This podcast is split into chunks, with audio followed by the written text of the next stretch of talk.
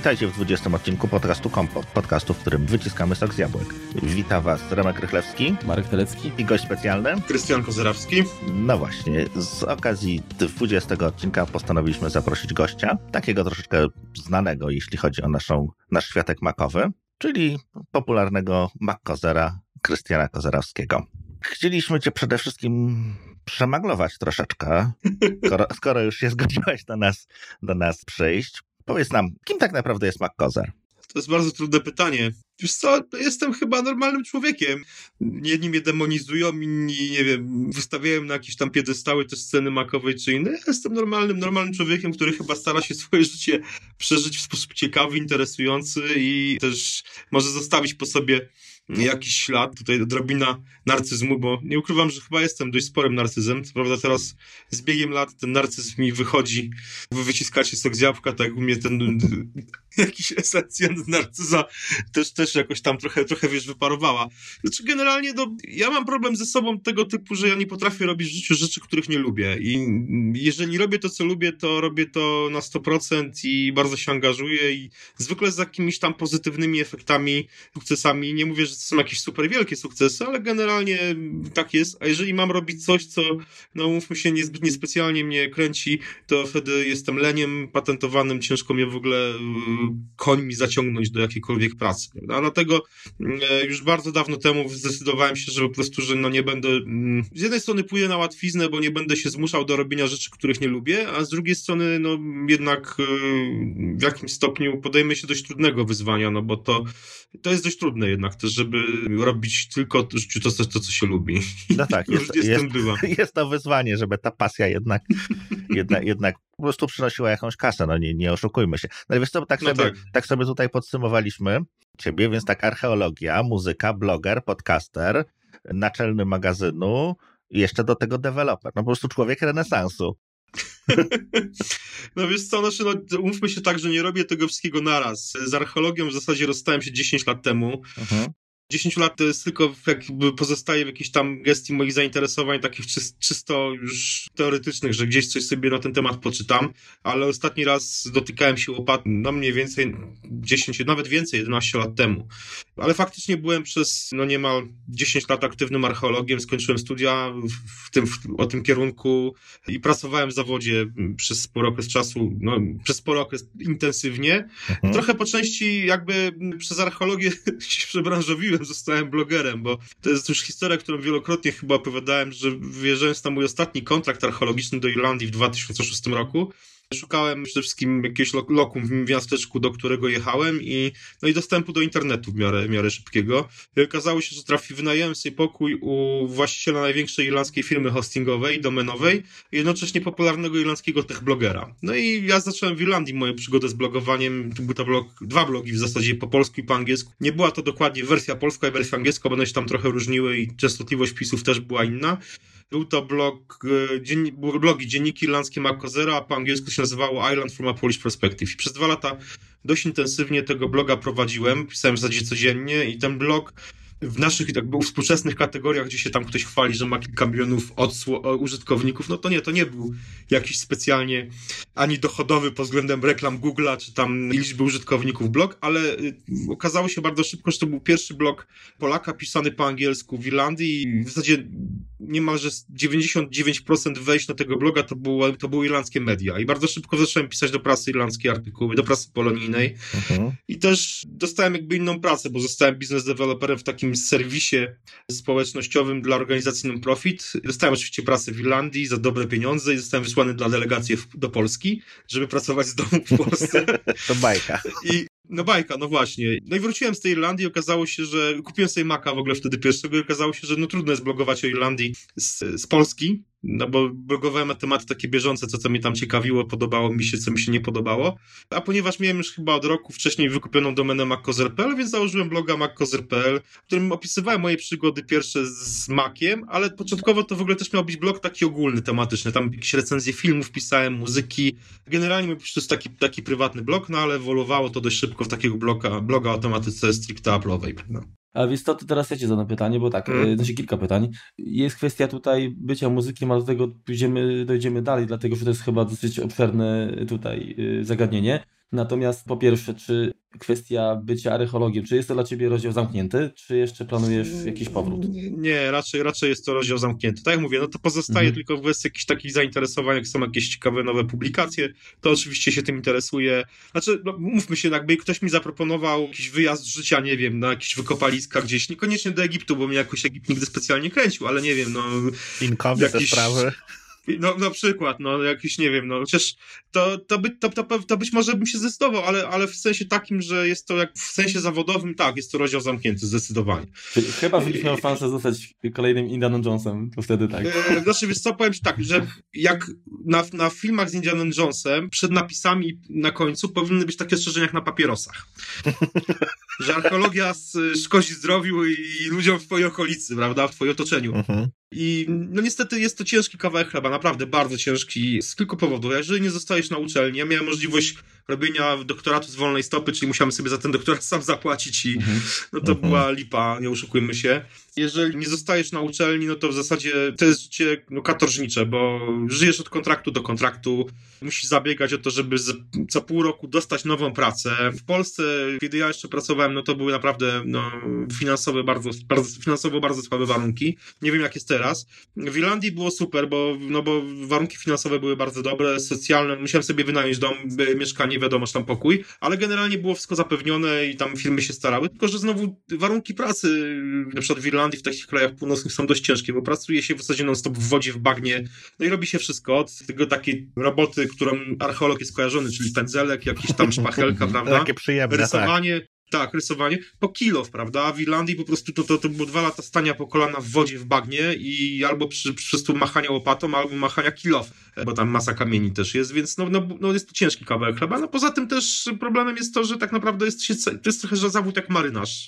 Jesteś cały czas poza, poza domem, więc trudno mówić o jakiejś rodzinie, prawda, przy utrzymaniu. Ja miałem, ja miałem wtedy jeszcze nie miałem, nie mieliśmy dzieci, więc ja przez dwa lata przylatywałem do, do, do Łodzi na jeden weekend w, w miesiącu, prawda? No to, to mhm. było takie no dość, dość, dość trudne. Więc no, no jest ciężki kawałek chleba naprawdę i ta romantyczna wizja archeologa nie, mhm. niestety nie do końca ma, ma przełożenie w takich faktach. Oczywiście komuś się, są szczęśliwcy, którym się udaje taką romantyczną wizję archeologa. Czyli, czyli teraz generalnie y, archeologiem jesteś podobnie jak my, czyli przy okazji jakiegoś remontu odkrywasz, o kurczę, to tak, to było. Dokładnie tak. Czas. A drugie pytanie mhm. odnośnie blogowania. No bo jak zaczynałeś i zanim no się jakoś tam zdecydowałeś, że akurat będzie to blog poświęcony makówkom, tak, oprogramowaniu na mhm. Maki i tak dalej, e, no to przypuszczam, że jakieś, może nie wzorce, ale, ale jakieś inspiracje czerpałeś z innych miejsc, które już wtedy w sieci funkcjonowały. Mhm. Czy zdradzisz na przykład, kto był dla ciebie takim duchowym guru, jeżeli chodzi o blogowanie? Znaczy wiesz co, i to jest, może tak, nie, trudno mówić tu o wzorcach, ale mogę powiedzieć jakie, jak, jakie dwa, dwa, pierwsze blogi, dwa pierwsze blogi i serwisy, jakie, jakie, jakie odwiedzałem. To było My Apple i mój Mac.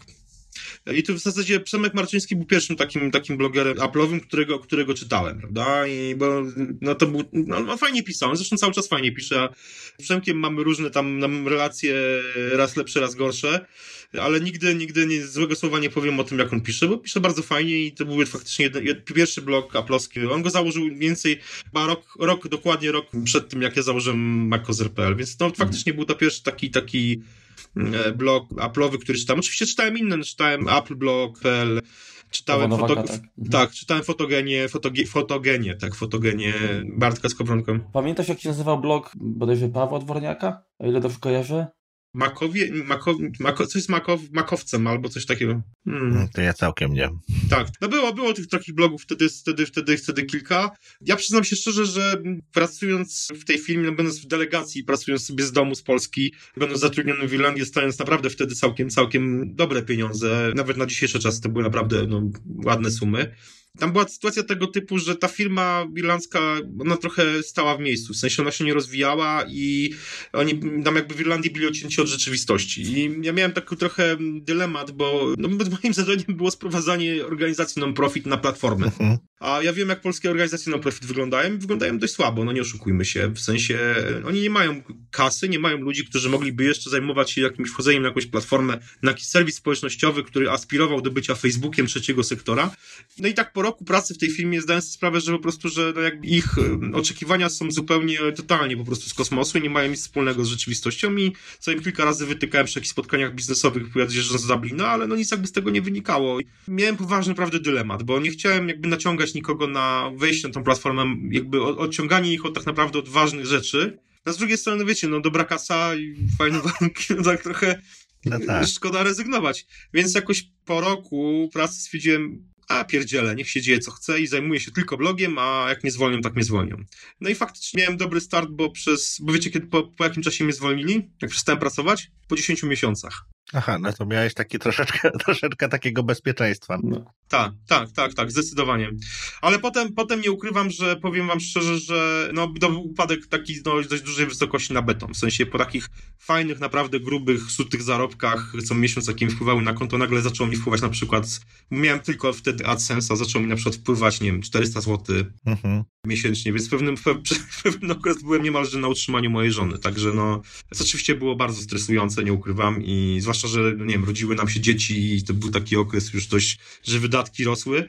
Więc nie było to jakoś tam super, super komfortowa sytuacja. No to, trochę to tak, takie, tak jest z tym takim stawianiem sobie tego typu wyzwań i trzymaniem się sztywno tego, że chcę, będę robił to, co, to, co, to, co, to, co chcę robić. No nie zawsze z tego są dobre pieniądze i no czasami trzeba albo po prostu, no niestety, albo zrezygnować, albo no zacisnąć e, różne części ciała od tak, zębów, poczynając tak. i, i, po prostu no i dalej, no i no, ciągnąć to. Dokładnie wiem o czym to, o czym mówisz, bo też właśnie w, jakby z korpopracą swoją tam się rozstałem właśnie w momencie, kiedy rodził mi się drugi syn, no i to też był mm. duży stres na początku, no w sensie takim, czy po prostu, no jakby, no tak. jakby stała praca, no to są jakby stałe, stałe zarobki, czy, czy duże, czy małe, natomiast mm. stałe, tak? Natomiast w momencie, kiedy mm. przechodzisz na, na to, że ty ile zarobisz, zależy od tego, ilu klientów znajdziesz, ile po prostu, ile napiszesz, ile, ile tam jesteś w stanie sam jak gdyby wyrzeźbić, no tak. To, to, to, jest, to jest duży stres. To, to, to, to cię rozumiem dokładnie. Oczywiście to miało swoje, swoje różne, różne pozytywne i przyjemne, przyjemne strony, bo nie ukrywam, że też przeszedłem przez taki, taki, taki etap tego słynnego jestem blogerem, czyli różne promki, różne, różne bonusy, fajne rzeczy, to, to, to znaczy ja mam wrażenie, że, że to, no nie oszukujmy się, jesteśmy tylko ludźmi, prawda? Ja nie jestem tutaj jakimś, nie wiem, Chrystusem blogerów, który zbawiał cały świat, ale, ale i też przez to przeszedłem. Też miałem taki moment, że jakby w tym takim dość, dość mikrych zarobkach z tego blogowania i, no i trudność, trudnościach w utrzymaniu się z tego, jednak no, były te, te takie dary, dary losu rzucane mhm. gdzieś tam, prawda, jakiś wyjazd, czy tam jakiś sprzęt, to też, to też jakoś pozwoliło mi się utrzymywać. To był też jeszcze okres, kiedy, kiedy nie ukrywam, ja przez, przez długi, długi czasu byłem jednak, jednak narcyzem. Zresztą wielu ludzi mnie do dzisiaj po, po, trochę po, odbiera jako takiego buca narcystycznego, który się po prostu tylko lansuje w sieci i nie tylko w sieci. I jest w tym sporo prawdy, ja nie, ja nie ukrywam, bo ja zresztą w, zespo w zespołach, które grałem przez zespole Artrozis przez długi okres miałem ksywkę Lancelot. E, oczywiście nie od Lancelota, nie od Lancelota tego, tylko kto się po prostu lansuje na maksa cały czas. Ale też chyba się z wiekiem się z tego mimo wszystko wyrasta. Zauważyłem ostatnio na przykład, że e, w jakichś tam mediach społecznościowych to ostatnio niemalże prawie mnie nie ma po prostu, bo nie mam na to czasu. No jakby no, pisanie pierdół na Twitterze czy na Facebooku jakby Szkoda prądu. Nie no. ma już, szkoda prądu, dokładnie, tak, taka prawda. No. Także... To ja się myślę, jak wspominasz o tym Chrystusie, gdybyś, gdybyś nie, nie blogował z Łodzi, tylko ze Świebodzina, to byś miał zupełnie inną, wiesz, drogę kariery. Kto wie, kto wie, dokładnie.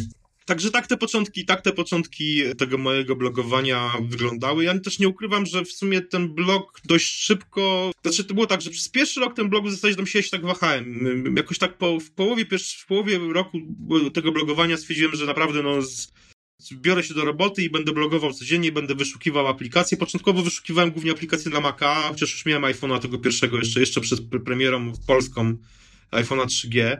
Potem się to dość szybko zmieniło, no bo jakby ilość aplikacji na iPhone'a zaczęła po prostu rosnąć gwałtownie i no, no trudno było już jakby nie, w tym momencie, te proporcje tak. zachować. A, no a dokładnie. powiedz, czy, czy osiągnąłeś taki etap w blogowaniu, mówię jeszcze y, o mackozer.pl, Mm. tak? Y, który Mm. pozwoli ci się utrzymać. Wiesz, no znaczy tak, tylko że to było takie, wiesz, na granicy, na granicy, że tak Mhm, mhm. Nie, ale to wiesz, tak pytam, bo wiesz, sam też mam dos... powiem, przekroczony próg ubóstwa był, że tak powiem. No ale to Więc- myślę, że więc- taki, taki więc- się powiodło, bo nie, nie każdy chyba jednak ma y, szansę czy, czy okazję tak Mhm. zaszaleć, no... sam Znaczy wiesz co, no. y, tutaj w dużym stopniu też zadziałało to, że no, to były jednak początki blog, blogosfery w Polsce. Ta blogosfera miała, nie wiem, 2-3 lata, może taka w sensie sensu stricte technologiczna, no nie była też jakoś super rozwinięta, bo nawet te blogi Apple'owe, one też jakoś tam super długo nie istniało. Nie wiem, MyApple istniało już wtedy ze, ze 3 lata, może No tak, z appleblog.pl istniał Mhm. też ze 2 lata, mój Mac.pl istniał z rok, nie wiem, Fotogenia też pewnie ze 2 lata istniała nie dłużej. Blogów technologicznych też tak jako takich ogólnych też nie było, no bo był, wtedy to był tylko antyweb tak naprawdę i nic więcej. Nie było jeszcze Spider's Web, no, który się rozrósł przecież w tym momencie naprawdę jest to, jest to ogromny blog. Niezależnie od tego, czy się lubi pająka, czy nie, Tak, ale trzeba, trzeba mu mu przyznać, dać że jednak szacunek, tak. tak. że jest, tak. Więc, więc mówię, ja miałem, miałem to szczęście, że faktycznie jeszcze, jeszcze było dość pusto na, na, na, na tej scenie i jakby no, no było łatwo zaistnieć. To jest trochę jak z Instagramem. No jestem prawdopodobnie pierwszym Polakiem na Instagramie, bo zainstalo- zainstalowałem sobie Instagrama 4 godziny po poruszeniu tego serwisu i przez to, że było jeszcze wtedy mało ludzi, na przykład mogę się pochwalić tym, że byłem w polecanych na Instagramie, prawda?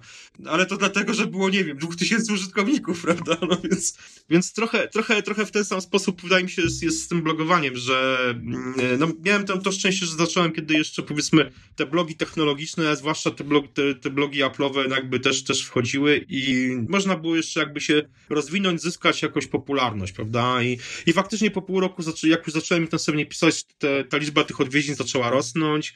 Udało mi się wtedy, wtedy jeszcze Apple współpracowało z blogerami polskimi i faktycznie miałem przez tak trzy lata miałem ten komfort, że w zasadzie co premiera to dostawałem wszystkie nowe Maki do testów. To było dosłownie tak, że na przykład wychodziły nowe MacBooki Pro, to przyjeżdżał kurier, przywoził mi 13-calowego MacBooka Pro prosto z Holandii, z centrali Apple, tam mają taki wielki magazyn Venlo, którym notabene kiedyś byłem jeżdżąc do Szkocji stopem, odwiedziłem ten magazyn chyba w 96 roku, jadąc stopem właśnie przez Holandię.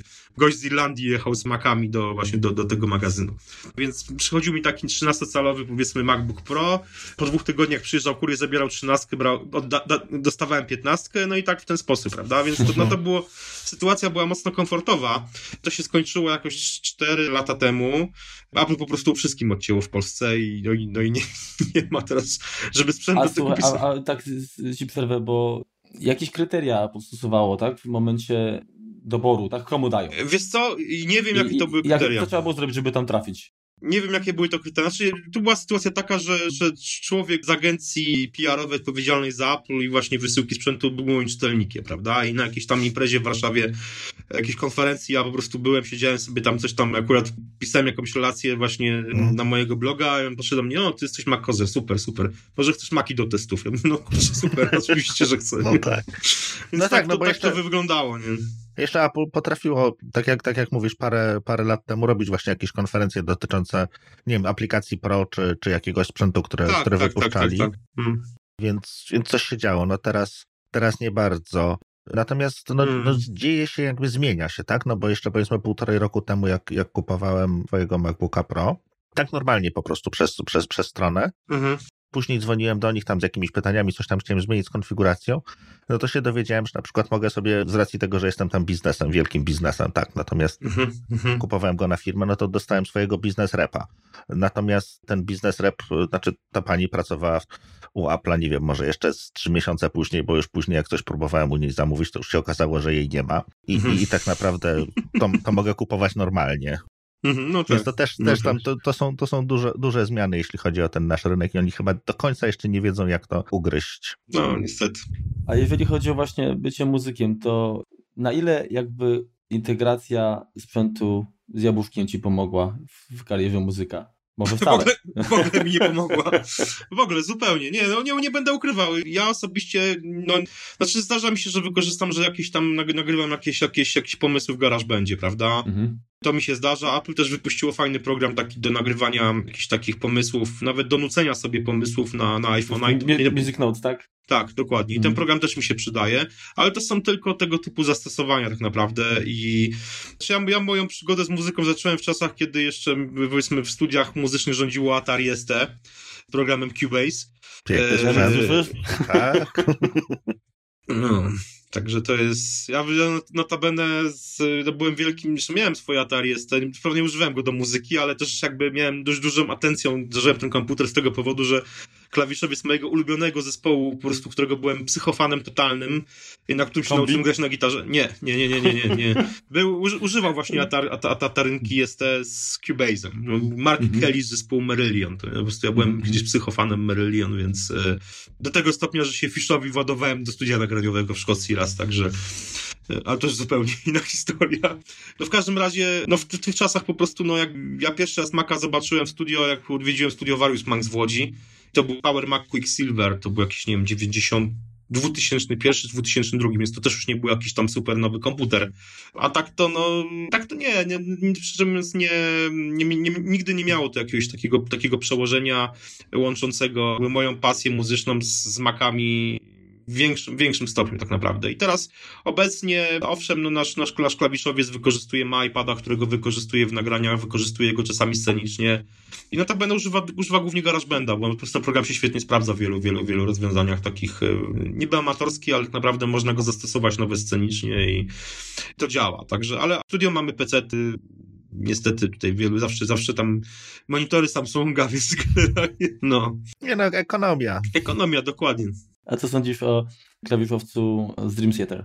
Bo on chyba dość mocno to wykorzystuje właśnie też. No wykorzystuje z tego czasu. Oczywiście, ja, ja się nawet pochwalę, że miałem okazję go poznać i rozmawiać z nim na targach Macworld w 2011 roku w San Francisco, bo on się po prostu na tych targach wystawiał mm ze mhm. swoimi aplikacjami. I to było fajne zobaczyć właśnie Jordana Rudesa, który sobie stoi na, przy takim malutkim stędzie z iPadem i ze swoimi aplikacjami, wszystkim pokazuje. Można było podejść, przybić piątkę i sobie z nim pogadać normalnie.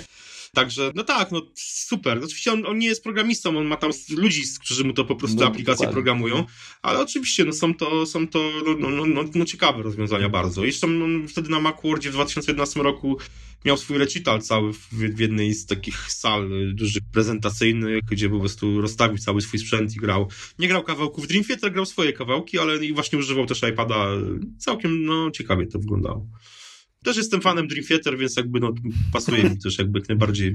A grasz jeszcze teraz? Oczywiście, cały czas gram. Teraz, to, też, to też trochę, no tak, to nie jest taka historia e, drastycznie skończona jak z archeologią, bo, no, bo jak wspomniałem, że z archeologią się dostałem na amen, z muzyką nie. No, miałem okres w życiu, gdzie ta muzyka jakby była podstawą jakby w pewnym mojej, może nawet egzystencji w jakimś stopniu, bo też ilość koncertów, bynajmniej niesprzedanych płyt. Z płyt nigdy, nigdy się nie doczekałem jakiejś tam kasy większej, chyba 200 zł największy wytwórni przyszedł, przyszedł ile mi dostałem przelewu za, za DVD, które nagraliśmy z jednym z zespołów. Więc no, był to przez jakiś taki dłuższy okres faktycznie jakieś takie, może nawet nie, nie źródło utrzymania, bo to był taki rock and roll, a wtedy się nie, martw, nie myślałem specjalnie o utrzymaniu. To, to był koniec lat 90. i pierwsze w zasadzie 5 lat, 6 biegłej dekady gdzie tak naprawdę interesowało mnie tylko właśnie rock and roll jako taki i dużo jeździliśmy, no, graliśmy klasy koncertowe. Bez seksów i bez dragów. Nie, no wiesz co, no, jak to wiesz, no rock'n'roll, no, różne rzeczy działy się, działy, się, działy się za sceną, nie, tak naprawdę, także powiem tylko tyle, że w, w, te historie, które są, nie są przesadzone i naprawdę, i, no, z, z, byłem świadkiem różnych rzeczy i różne rzeczy też robiłem, także tutaj jakby no by, by, bywało, bywało naprawdę, naprawdę grubo. Ale faktycznie no wtedy, to, wtedy to był taki okres, kiedy najwięcej jakby się działo. Jakby to był najbardziej płodny okres, bo Sacriver są takim muzyką gotycko-death metalowym właśnie zespołem. Wydawaliśmy no jednym, w zasadzie przez, przez kolejny rok w zasadzie płytę. Nagraliśmy DVD w, w studio telewizji polskiej na Krzemionkach w Krakowie razem z Paynem i z Tiamatem.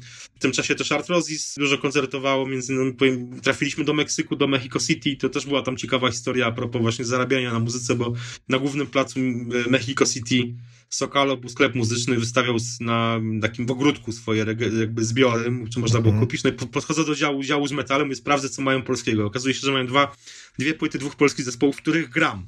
Więc Artrozis z Sacriversum, więc po prostu pod Jarka Wołamskich całą ekipę Arthrosis i Sacriversum wtedy to były takie teamy łączone, że część muzyków grała w obu, w obu kapelach, więc wszyscy podjarani, super, no i chcemy to kupić, te płyty. Oczywiście nikt nie mówi po angielsku w tym w Meksyku, więc tam dogadujemy się jakąś tam na migi z tym sprzedawcą mówimy tutaj, chcemy te dwie płyty kupić, to pokazujemy mu, że jesteśmy na zdjęciach, na okładkach, nie, że tutaj to my, nie, zobacz, to my.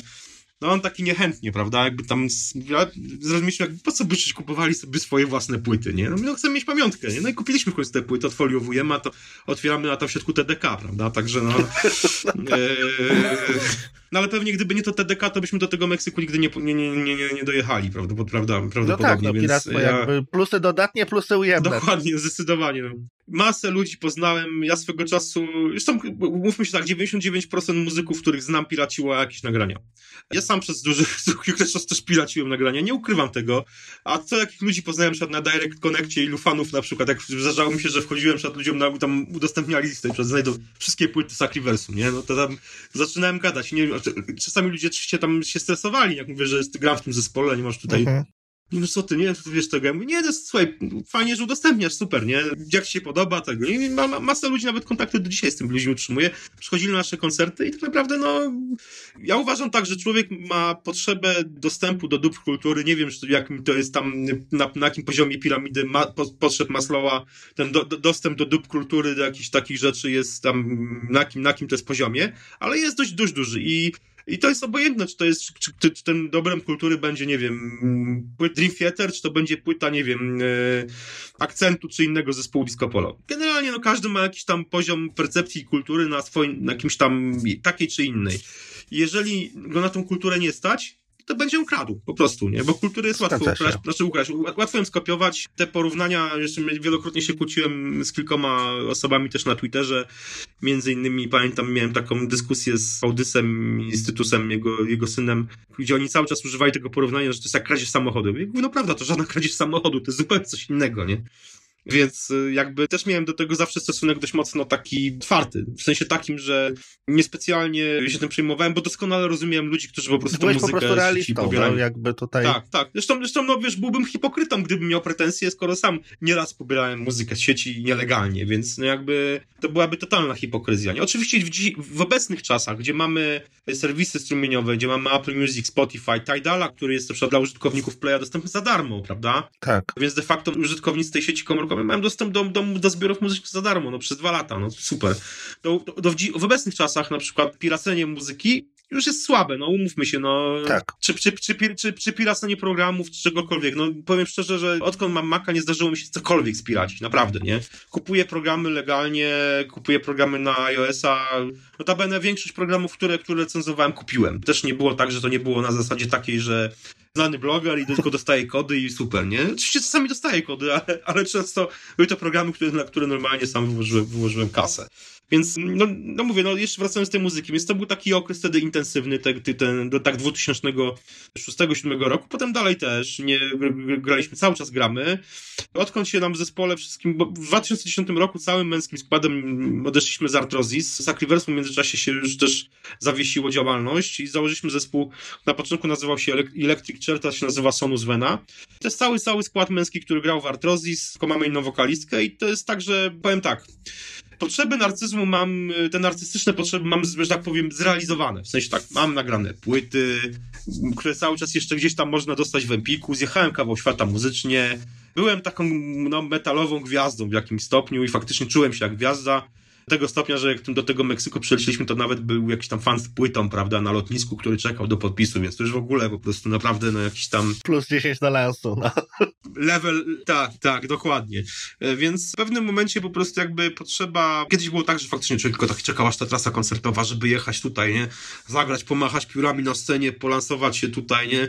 Poczuć się znowu jak ta gwiazda. W pewnym momencie coś takiego to, to w ogóle odpadło. I teraz na przykład jak gramy jakieś koncerty, to jedna myśl jest taka, że za, zawinąć, pojechać do hotelu, otworzyć butelkę whisky, ale w swoim gronie zespołowym mhm. i po prostu mieć dobry, dobry fan wśród tylko swoich przyjaciół. E, więc generalnie nie ma ciśnienia. No, rzeźbimy płytę Sonus Vena od 8 lat. Ona jest prawie skończona, dwa numery nam zostały do dokończenia. Reszta gdzieś tam w sieci sobie krąży na YouTubie czy w różnych miejscach. I przez to, że każdy z nas to jest taka super grupa złożona z ludzi, którzy naprawdę zgrali w, w dużych bandach, wydali masę płyt, bo klawiszowiec grał w takim poznańskim zespole Ion, był w ogóle pierwszym, który jako pierwszy z polskich zespołów zagrał na Wacken w takim ogromnym festiwalu metalowym w Niemczech. Mhm. mhm. Jeszcze w czasach, kiedy ja do, tak naprawdę dopiero tam zaczynałem jakieś pierwsze kroki z kapelami, to on już jeździł na trasy koncertowe z jakimś of Tragedy i innymi po Europie. Perkusista grał przez 10 lat w Lombardzie, też zjechał kawał świata z Lombardem, więc to, to jest taki zespół, powiedzmy, ludzi naprawdę z, muzycznie zrealizowanych dość mocno, nie mających, że tak powiem, presji na szkło już, prawda? W pewnym momencie już po prostu jak no, będziesz w telewizji, będziesz w gazecie, ludzie cię zaczną zaczepiać na ulicy, no to w pewnym momencie po prostu przestaje. Na, na, pewnym etapie jest to fajne. W sensie takim, że o, no jest, no faktycznie jestem tą gwiazdą, nie? Ale w pewnym momencie, no, zdajesz sobie sprawę, że jest to czysty blikt, który tak naprawdę nic, na, na nic pozytywnego się nie przekłada. Poza, poza jakimś takim chwilowym po, po, podbiciem własnego ego i dobrym samopoczuciem, więc... Znaczy, wiesz, to no, chyba tak nie do końca, bo de facto jak jesteś osobą znaną, to dużo łatwiej jest, no, zyskać pewne jakieś inne tam tak, korzyści, tak? Tak, tak, ale wiesz co, ale mówię, mówię, mówię o czymś takim, mówię o, o, o tym takim właśnie blichtrze, tym takim, wiesz, tym, że ludzie, wiesz, E, cię rozpoznają, witają się, wiesz, że no, wiesz, jesteś tą gwiazdą, wiesz, czymś takim, kimś takim, obojętnie czy to jest muzycznie, czy w blogowaniu, to w pewnym momencie po prostu to akurat nie, aż tak bardzo super się nie przekłada na jakieś, na jakieś fajne rzeczy, takie konkrety, takie, które, które ułatwiają ci pewne, pewne rzeczy, więc no, po, poza samym lansem, poza tym, że no tutaj Mac Kozer fajny gość, nie, i no, ale to no się, to jest, to, to jest lipa, nie? Więc, e, więc no, no, rzeźbimy sobie tą płytę od, od 8 lat bez, bez ciśnienia naprawdę jakiegoś takiego wielkiego, w sensie dla siebie samych. Gramy jakieś tam Teraz jak gramy pięć koncertów rocznie, to, to jest dobrze. Głównie gramy za granicą, e, notabene te koncerty. Holandia, Belgia, Czechy.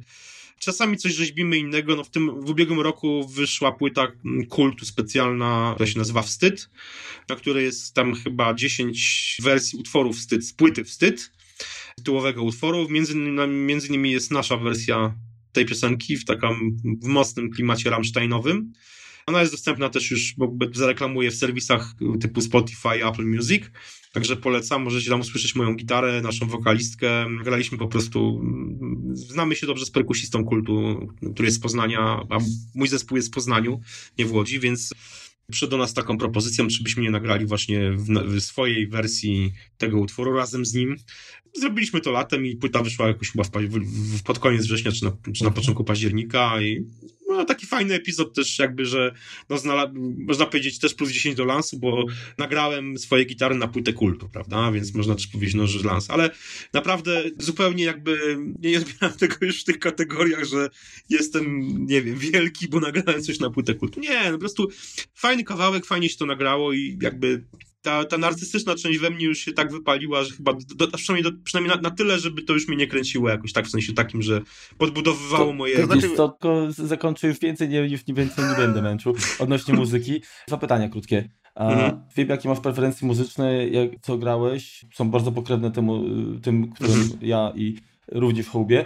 Pytanie, czy udało ci się zaszczepić jakby podobne preferencje u swoich dzieci? Wiesz co, nie mam, nie mam, co ciekawe, mam kilku znajomych metalowców, którzy tam te dzieci katują metalem, nie mam takich, takich, takich, takiego ciśnienia i jakoś, wiesz co, pod względem tego typu rzeczy staram się być w miarę, w miarę otwarty, chociaż jakby, no, wiesz co, znaczy, no, moje dzieci słuchają muzyki ze mną w samochodzie, czasami w domu, więc no, znają Rammsteina, znają Rush, znają Black Sabbath, jeszcze kilka zespołów, ale, ale wiesz co, ja mam wrażenie, że muzyka ich jakoś tak super nie na razie przynajmniej jeszcze nie kręci. Ja też w sumie jakoś tam muzyką zainteresowałem się, nie wiem, gitarę sobie kupiłem w wieku chyba 15 lat dopiero, więc też nie byłem jakoś tam wcześniej, chociaż słuchałem, byłem metalowcem, zostałem trochę wcześniej, ale jakby no zdecydowałem się na to, że będę yy, aktywnie. muzykiem aktywnie trochę później, także no. A, a druga sprawa, którą chciałem spytać, to twoje działania w przygotowaniu tego widowiska, tak? Teatralnego. A tak,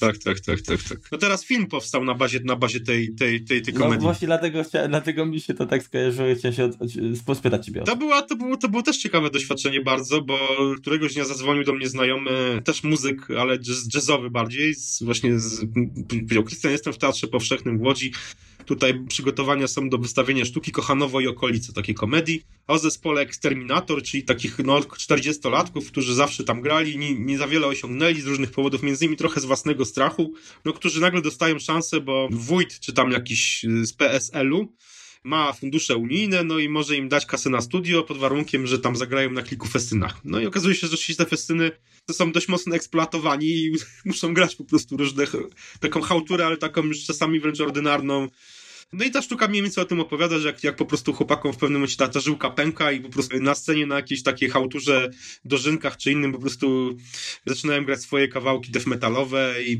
i całkiem ciekawe przedstawienie. Moją rolą, znaczy moja rola, zresztą nie tylko, ja, ja od razu też skaptowałem basistę do, z, art, z wtedy jeszcze, już nie z Artrozis, ale też byłego basista Artrozis z Dera Sacriversum Remka Mielczarka, który też jest z Łodzi, więc razem jakby za ten projekt odpowiadaliśmy. Naszym zadaniem było tak, napisanie muzyki, bo chodziło o to, że żeby ten zespół zagrał, no miał, mia, zespół Exterminator miał grać jakiś kawałek w stylu wczesnego Ball Throwera, no więc no, musieliśmy napisać kawałek w stylu wczesnego Ball Throwera, napisaliśmy go, nagraliśmy go, ale musieliśmy też nauczyć zespół naszych aktorów grać, bo oni mieli grać na żywo, więc y, musiałem wybrać sprzęt, kupić im gitary, perkusje, wzmacniacze, i przez trzy miesiące uczyliśmy ich grać na instrumentach. Ten numer właśnie, plus tam jeszcze jakiś typ niepokorny, jakieś takie rzeczy, tam fragmenty, żeby które oni na tych hałturach grali, mhm. ale faktycznie ten numer napisaliśmy In the Mountains of Madness, tak się ten kawałek nazywał, przynajmniej tak w sztuce, więc musiał się tak też nazywać. Napisaliśmy ten numer, Remo napisał tekst, no i nauczyliśmy ich grać, ale też to, mm, to było coś więcej, bo chodziło o to, żeby zrobić z tych, tych aktorów metalowców po prostu, nie? To było chyba najtrudniejsze zadanie, bo oczywiście to było bardzo intensywne, bo po, poza próbami w teatrze myśmy zabierali ich na wszystkie koncerty metalowe w Łodzi. Na wszystkie, na, na jakieś takie najbardziej bunk, jakieś bunkry totalne, gdzie po prostu ludzie tylko do siebie jakichś takich black metal taki, taki z lasu, no po prostu totalnie, na wszystkie możliwe, żeby oni po prostu zobaczyli, jak ci ludzie wyglądają, jak mówią, ale też jak chodzą, jakie, jakie, jakie pozy prezentują, bo to jest też dość e, z perspektywy czasu i to mówię jako metalowiec, to jest czasami dość zabawne, bo jednak metalowcy mają takie e, i specyficzny typ chodzenia i postawy i w ogóle i to jest takie mm, no trzeba to oddać, prawda? I, i pamiętam, że Witek, Mariusz Witkowski, który grał postać tego głównego lidera eksterminatora i był wokalistą i gitarzystą, stawał na scenie, a on jest, kurczę, wychowany na punku i reggae. I stawał na, na scenie ubrany w skórę, kurczę, nie, tatuaże miał zrobione, wszystko. I kurczę, stawał na scenie jak Bob Marley. Ja mówię, stary, no nie możesz tak wyglądać na scenie, bo ty nie wyglądasz metalowiec, wyglądasz jak Bob Marley przebrany za metalowca, nie? I, no i trzeba było ich takich rzeczy też nauczyć. I to było, no powiem szczerze, dość, dość, dość karkołomne zadanie, ale się udało, bo ta sztuka przez ponad dwa, no więcej, przez cztery lata nie schodziła za afisza w Teatrze Powszechnym w Łodzi. Aldona która była reżyserką, zrobiła też tę sztukę w, w Warszawie i tam muzykę napisał zespół Corruption. Aniu, mój znajomy, napisał tam muzykę. Nie wiem, kto napisał muzykę do tego, do tej ekranizacji. Być może też Corruption. W każdym razie, no jak zobaczyłem, będąc w kinie z dzieciakami na jakimś tam filmie, zobaczyłem zwiastun Eksterminatora, mówię, mówię, skądś to znam, skądś to znam. Byłem, ale nadaje się to. Nie wiem, nie wiem, czy film jest dobry, ale na pewno na, nadaje się do ekranizacji, bo to jest całkiem fajna historyjka. Zresztą film oglądałem, komedia, ale ciepła. Tak to zostało oddane. No. Dobrze, to teraz przejdziemy do, do, do, kolej, do kolejnego MacCozera, czyli MacCozera podcastera. Chyba tutaj akurat nie jesteś szczególnie spełnionym, tak? Tak? No bo raczej nie ma szczęścia do podcastu. Wiesz co, znaczy to, to wynika, to wynika z prostej rzeczy. To wynika z, trochę z warunków lokalowo, z logistyki. Mhm. Ja mam dwupokojowe mieszkanie, mam dwóch synów, 8 i 5 lat, którzy są tak rozwydrzeni, że oni jak chodzą spać o po 11 wieczorem, to jest po prostu dobrze. Więc zgrać jest czasem, żeby nagrać podcast jest po prostu dość trudno. No i tak trochę, trochę, trochę, trochę z tego, z tego, z tego to wynika po prostu mhm. ta taka przerwa, no już roczna na przykład w nagrywaniu diabelskich ustrojstw, prawda? Z Miłoszem nagrywaliśmy i bardzo fajnie to wychodziło myślę, że do tego wrócimy tylko po prostu naprawdę, no to no pewne rzeczy jakieś się muszą zmienić, nie wiem, czy może jeszcze po prostu dzieci muszą mi trochę dorosnąć, prawda? Mhm. Żeby jakby no nie trzymały się u siebie w pokoju. No dzisiaj też na przykład, żeby nagrać ten podcast, to musiałem włączyć film, że ona musi siedzieć z nimi w pokoju i tam mnie usypiać, żeby po prostu tutaj nie skakały po prostu za, z tyłu za mną, bo byśmy nic nie nagrali. Tak Dziękujemy naprawdę. za poświęcenie tak całej rodziny. także, także no jest, jest, to, jest to głównie, głównie tego typu, tego typu problem. Tak naprawdę Mhm. Jest to, czy, czy, czy, czy, mam, czy nie mam szczęścia, czy, czy, czy mam. Wydaje mi się, że też tutaj nie narzekam, bo i diabelskie cieszyły się całkiem sporym zainteresowaniem i, I My Apple Daily notabene też, też całkiem fajnie sobie radziło. No, ale to był kierat jakby, na... to codziennie, no to jednak to tak, jest... Tak, tak, to, to, to, było, to było dość trudne, nie ukrywam. I czasami to było no, męczące, w sensie takim, że jest, nie wiem, 17, już jesteś zmęczony, ale o kurczę, jeszcze trzeba nagrać podcast, prawda? Faktycznie to był krótki podcast, bo on tam trwał, daily trwało około 5 minut, więc mhm. no, no można było to nagrać, ale faktycznie Ale zebrać się trzeba tak samo, no. no. Dokładnie, właśnie, więc, no więc, no podcasty są trudnym kawałkiem, chleba z kilku powodów. Mam wrażenie, że przynajmniej większości podcasterom już takim, takim technologicznym już jakieś iluzje opadły co do, co do, co do tak zwanej, nie lubię tego słowa, monetyzacji podcastów, bo moim zdaniem podcastów w Polsce się nie da, nie, znaczy nie da się zarobić na podcastach w Polsce.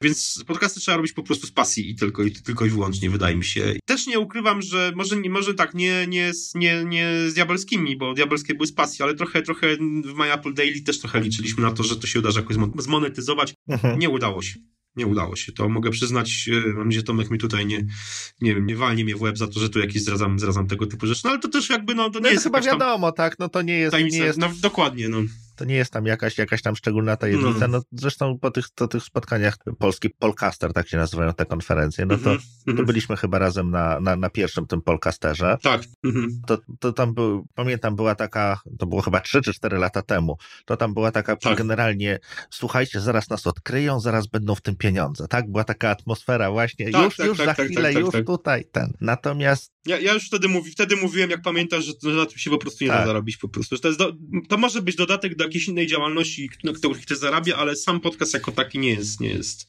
nie jest przekuwalny na kasę no, w ten sposób. Natomiast tak jak byłem rok temu z Przemkiem, no to tam już było tylko fajnie róbmy podcast, ale zbierajmy sobie, zbierajmy ludzi, róbmy jakiegoś tam patronajta, nie tego typu, no bo, bo, bezpośrednio to jakby nie ma, nie ma tutaj mhm. przełożenia. Ja, ja, powiem szczerze, ja, ja, ja powiem szczerze, miałem zaproszenie na tam drugą chyba edycję, czy trzecią nawet też, ale jakoś, no nie czułem, nie czułem ciśnienia, żeby, żeby jechać na tą konferencję, powiem szczerze. Może było fajnie, ja nie wiem, ale po prostu jakby no, jakby, jakby tematyka robienia konferencji o podcastach wydaje mi się mocno przesadzony, no po prostu. Znaczy, no, może trochę. trochę krytycznie to zabrzmi, ale to takie troszeczkę towarzystwo wzajemnej adoracji, no. No, no trochę tak, no. Zresztą wiesz, to podobnie było z w pewnym momencie z, konferen- z konferencjami blogo ze środowiskiem blogowym i uh-huh. nie mówię tutaj technologicznym, ale pamiętam, byłem na tym pierwszym, na, na drugim blog Forum Gdańsk, Potem na kilku takich imprezach blogowych byłem i to też było środowisko wzajemnej adoracji, prawda? Więc jakby no, przestałem jakby wtedy, no bo zwłaszcza próba ujęcia tego środowiska w jedno jest totalnym absurdem. No blogerem będzie, nie wiem, nastolatka pisząca swojego blogaska ze szkoły i będzie, nie wiem, i będziemy my, prawda, blogerami, nie wiem, blogerem będzie, nie wiem, jakiś polityk, który będzie blogował jakiś no tak, temat, tak, jakiś tak. działacz społeczny, więc to jest tak szeroki temat i znaczy nie czuję związku, w sensie takim, że jakby nie, nie, nie, nie, nie czuję się częścią społeczności blogerskiej, która by powodowałoby jakiś związek szczególny, nie wiem, z innymi blogerami. Nie, uważam, że akurat blog jest tak indywidualną formą ekspresji, że łączenie się tutaj w grupy jakieś sformalizowane jest totalnym bezsensem. No tak, no to jest bardzo szerokie, mhm. no tak jakby, nie wiem, no. robić grupę leworęcznych, tak? No nic ich nie łączy, no, poza no, tym, że są no, leworęczni, tak, no. Dokładnie, no.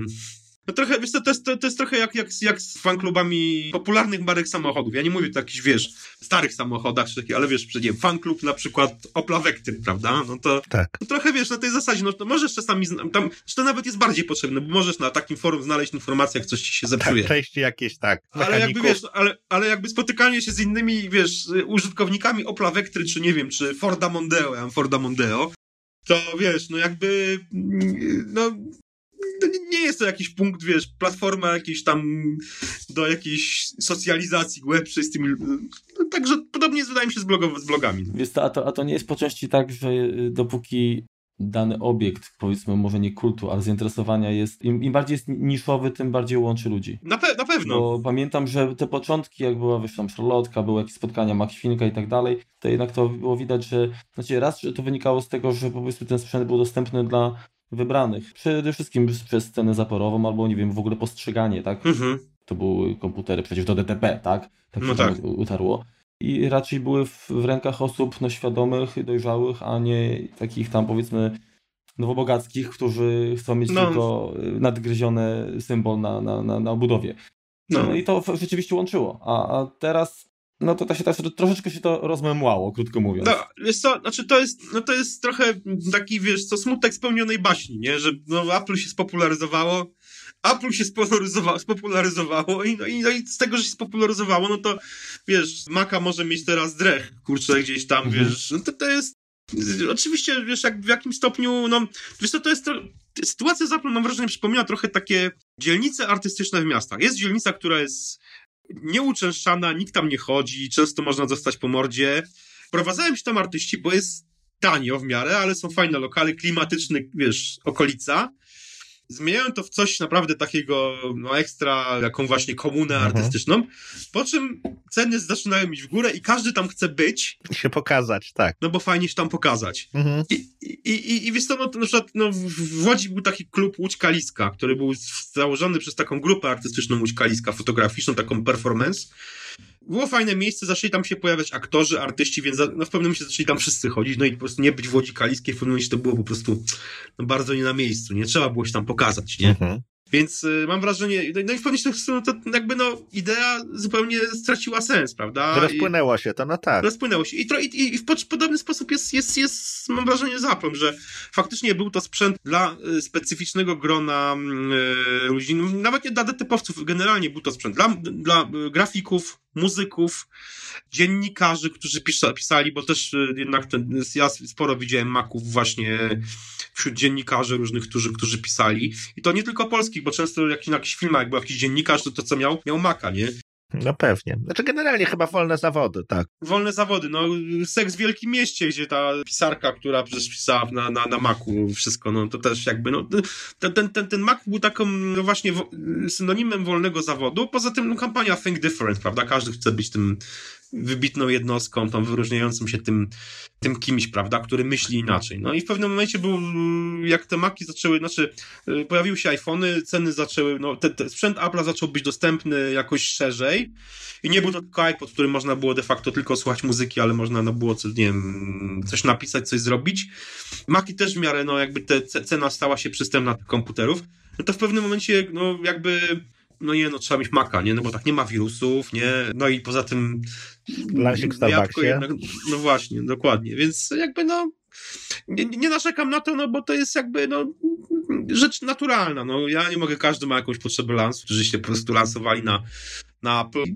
No i, no i luz, no. Jakby, e, oczywiście jest tak, jak mówisz, że to środowisko jakby się roz, no, prze, przez to, że jakby grupa użytkowników produktów Apple bardzo się rozrosła zna, znacząco, no to jakby to środowisko tak, to takie w pewnym sensie takie szczelne, no też się rozpłynęło w tym, prawda? No nie ma jakichś, ja nie, nie, nie, nie kojarzę, żeby były jakieś spotkania teraz użytkowników Apple. To jest jakieś takie imprezy robi iMac, prawda, w Warszawie. Myśmy we wrześniu zrobili też jakieś wspólne oglądanie konfy Apple w Łodzi, w, w jednym z klubów i było fajnie. Przemek też robi z tego, co wiem, chyba coś... E, w Kielcach. W Kielcach chyba, tak, dokładnie. Więc no coś, coś tam się dzieje, ale faktycznie, no są już jakby środowiska skupione nawet nie wokół sprzętu Apple, ale wokół pewnych serwisów, prawda? To są czytelnicy pewnych, pewnych serwisów internetowych, magazynów w ten sposób. A zauważcie, że nie ma na przykład jakiejś wspólnej imprezy, która byłaby zorganizowana wspólnie i nawet jakby, nawet nie przez redakcje, które, bo to są konkurencyjne redakcje, nie oszukujmy się, że możemy pójść na piwo, ale zrobienie czegoś wspólnie, nie wiem, na przykład My Apple, iMac i mój Mac, jest to nierealne na, na obecnym etapie. A szkoda. Bo, bo, to są po prostu konkurencyjne serwisy. Co, co nie znaczy, że jak się nie spotkamy gdzieś przy okazji, to nie podamy sobie ręki, nie pójdziemy na piwo, bo z, oczywiście tak będzie, ale zrobienie czegoś takiego wspólnie, mówię o czymś takim, że przez zrobienie jakiejś imprezy ponad to, prawda? Nie zorganizowanej przez MyApple, przez iMaga czy przez mój Mac.pl, tylko, no nie wiem, na przykład przez użytkowników, którzy jako tacy po prostu, no, no ja nie pamiętam takiej imprezy, żeby była zorganizowana. Ostatnią chyba rzeczą jaką taką zorganizowaną nie, pod patronatem tych trzech serwisów, ale nie zorganizowaną przez te serwisy, no to było otwarcie tego muzeum, Mac Muzeum w Łosiu, prawda? No to, mhm. tam Apple Muzeum w Łosiu, w Łosiu. no to, to, to, ale tak na co dzień, no ja sobie nie przypominam, żeby teraz były jakieś takie imprezy, jak, jak pamiętam, jak były, na których nie byłem, ale no pamiętam, że, te imprezy, że były te imprezy jakieś takie,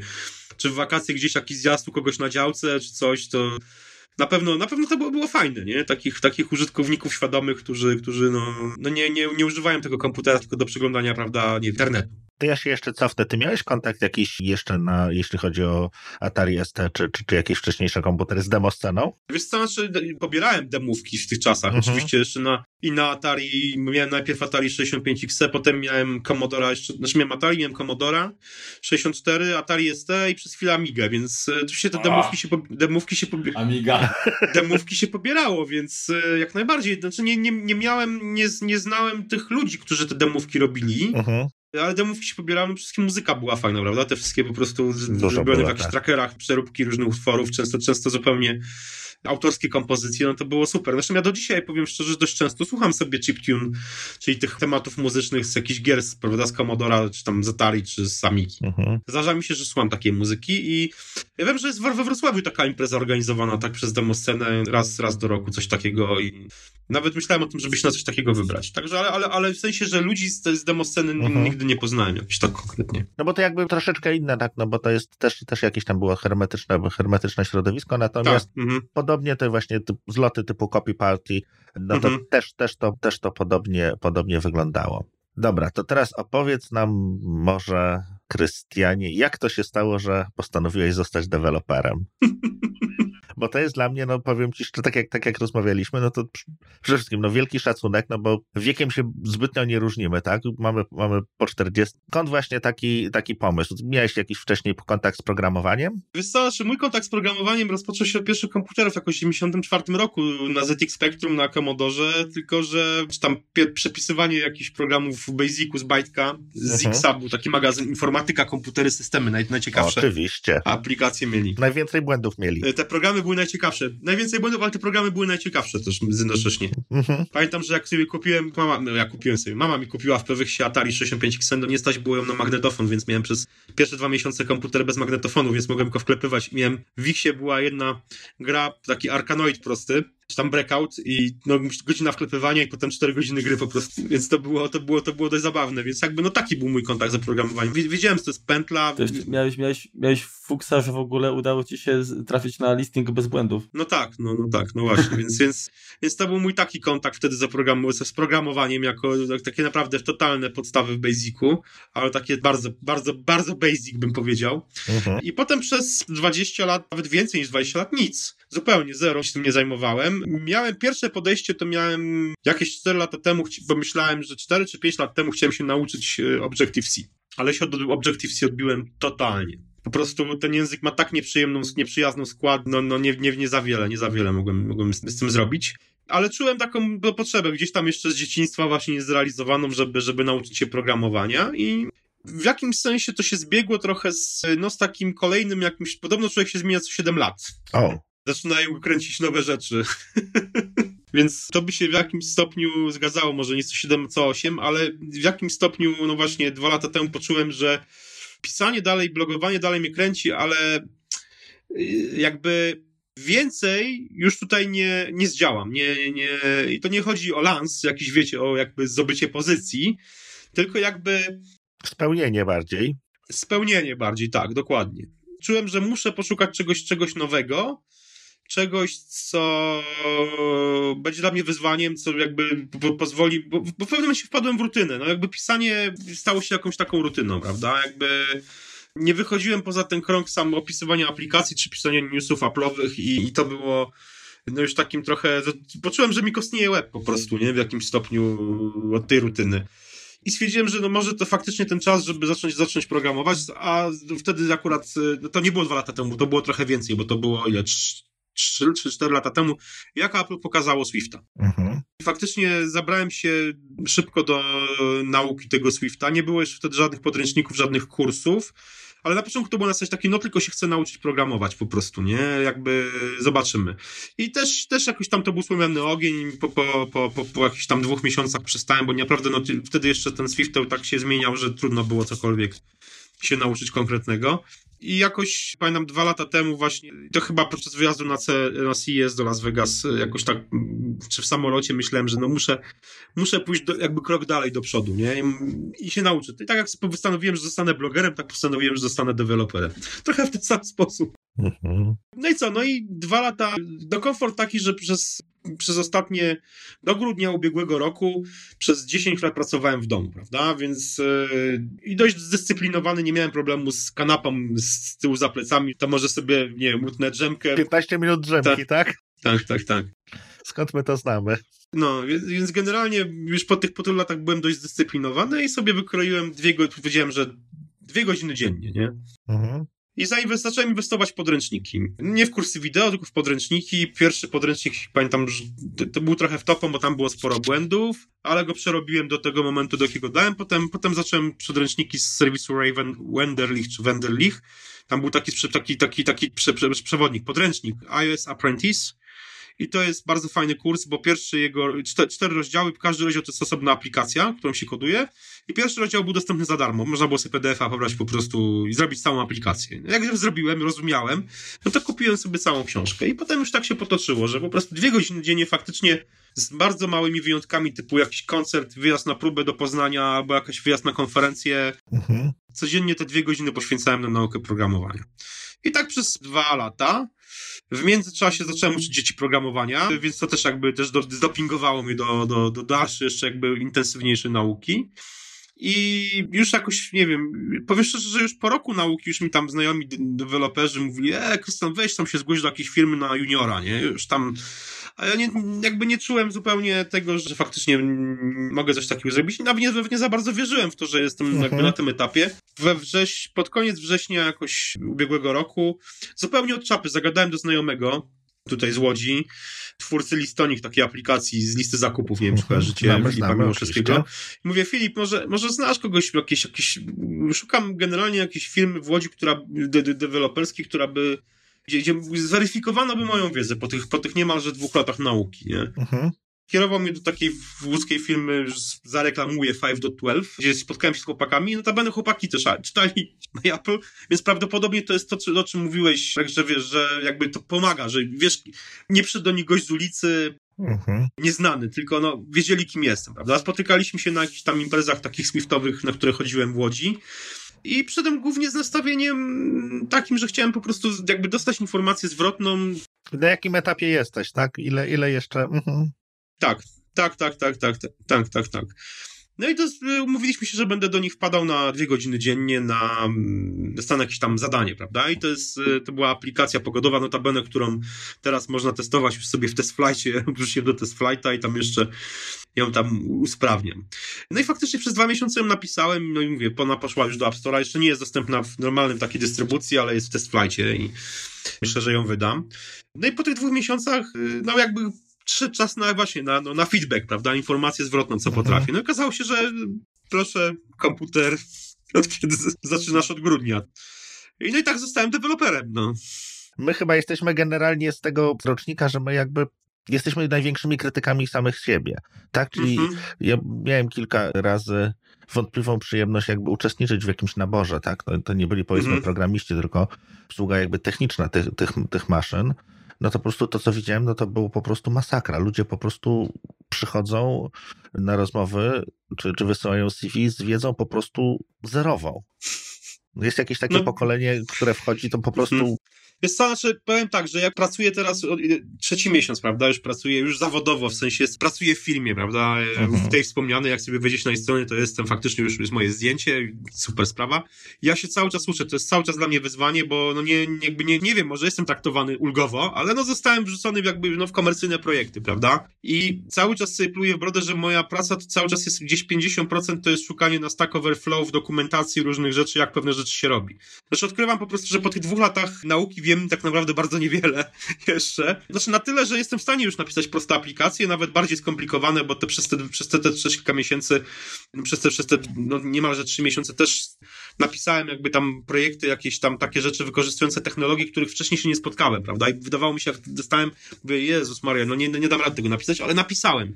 Oczywiście z pomocą tam, pytając się kolegów z biura, czy, czy szukając jakiś tam, wertując e, właśnie Stack Overflow, czy inne rzeczy, no ale, ale tutaj codziennie 8-9 godzin jak spędzam w biurze, pracując, to jest dla mnie no, ogromna, ogromna dawka nauki, codziennie teraz tak naprawdę, nie? Także to jest, to jest też takie doświadczenie na, czym, na tym polega ta praca? No jakby nie jestem programistą, y, w mhm. poprzednim życiu bywałem, tak?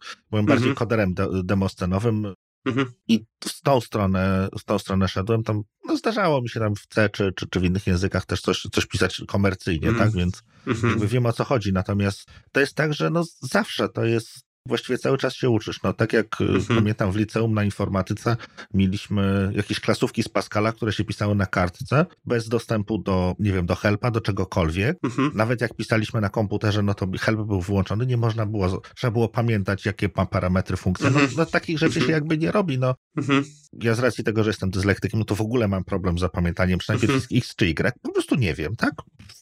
Nie, nie jestem w stanie tego jakby zapamiętać. I metodą prób i błędów muszę to zawsze sprawdzać właściwie zawsze mam, jeżeli teraz coś zdarza mi się jakieś pierdółki robić w PHP czy w czymkolwiek, to zawsze mam otwartego mhm. co, co najmniej, co, co najmniej jakby listę, listę poleceń, jakiś tam też Stack Overflow czy inne rzeczy. No to jest kwestia, no tak, nie kopiujesz tego, tylko jakby szukasz, patrzysz jak to, jak tak. to inni zrealizowali. Ostatnio, nie wiem, Marco Arment opowiadał, że też jak, jak tam pisał swojego Overcasta, to też właściwie, nie wiem, dwa miesiące czy, czy, czy coś takiego spędził po prostu rozgryzając kodeka MP3, czy, mhm. czy kwestie FFT.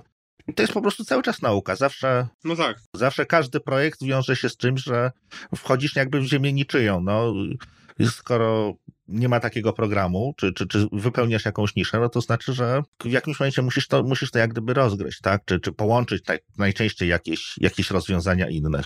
To prawda, to prawda. No więc to jest, jest, to, jest to jakieś tam, no, jest to ciekawe doświadczenie, czasami dające masę satysfakcji, czasami strasznie frustrujące, jak na przykład, wiesz, po 8 godzinach nie rozwiązałeś jakiegoś zadania. Nie działa nie działa, nie wiesz jak to zrobić, wracasz do domu, już no nie, no nie, no już w domu posiedzę i to rozwiążę.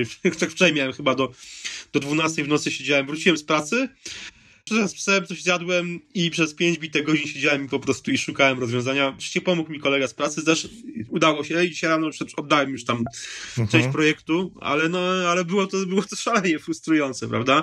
Więc, y, ale to też, no, to, to, to jest też nauka i to jest to, no, znaczy powiem tak, jestem przeogromnie w jakimś, no szczęśliwy naprawdę, że to, że to robię, bo, bo czuję się, że żyję po prostu, że mam, są wyzwania, że to jest po prostu, no jakby nie jestem na jałowym biegu, prawda? Także no. A trochę, trochę powiem szczerze, że blogowanie to dla mnie jest już trochę jałowym biegiem. Lubię to robić, będę to robił. Tutaj jakby to, od razu też e, nie mam planów jakby rezygnacji z pisania. Będę to, będę to robił dalej, ale jakby to, co powiedziałeś, własnej satysfakcji rozwoju, to, to jest już jakby jałowy bieg, prawda? A tutaj mam dwójka, nie? Jest... No tak, jesteś na rozruchu. Jest to bardzo dobrze, no bo tak jak śledzę twoje, śledziłem twojego bloga od początku, później to, mhm. co, to, co piszesz na, na MyApple też raczej zawsze ciebie również lubiłem czytać, bo no, potrafiłeś coś przekazać, tak? No niestety wiele tych wpisów, znaczy nie mówię twoich, natomiast takie twoje tak, też się zdarzały. To, to, to było takie, troszeczkę taki Google Translate, tak? No ale, no, ale no wiesz, znaczy... Ja wiem, że to trzeba, tak? No bo nie mamy jakby polskich... To jest, to są, to są newsy, no właśnie, to są newsy i tutaj tak, tak, tak to działa, no. Ja, my mamy na MyApple bardzo... Ale jest to niewdzięczne, no. No jest to niewdzięczne, znaczy mamy na... Dla ciebie jako twórca. Tak, mamy na MyApple rozgraniczenie, że jak wchodzisz na profil autora, to masz zakładkę blog i zakładkę news. Mhm. Oczywiście, jak wejdziesz na moją zakładkę, to o wiele więcej jest spisów newsowych, no bo po prostu newsy trzeba klepać codziennie, bo one się pojawiają. I choć nie, nie używam Google Translate, bo nie muszę, no ale jest to nie, tłumaczenie, wiesz, no po prostu jest to wiadomo, że. Z... Tak, tak, do, do, dokładnie jest to kopiuj wklej. No jest to, tak, tak, tak, tak to, to, jest w jakimś sensie kopiuj wklej. No i no jest, to, jest, to, jest to faktycznie w jakimś stopniu niewdzięczne.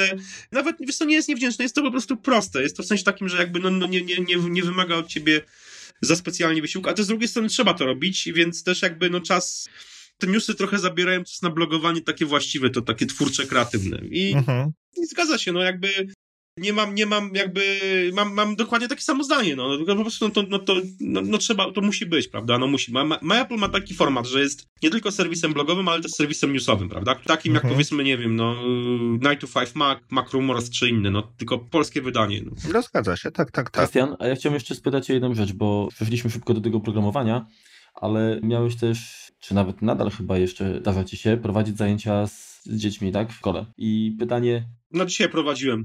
Mhm, no właśnie. I teraz powiedz mi, na tym etapie takim, kiedy jeszcze nie podjąłeś decyzji, że może będzie to twoja droga kariery, na ile jakby to, że ty musiałeś do tych zajęć też się przygotowywać, czyli to, to było takie wyzwanie kolejne jakby, motywowało ci to, to i jakby ułatwiło jakby podjęcie tego wyboru?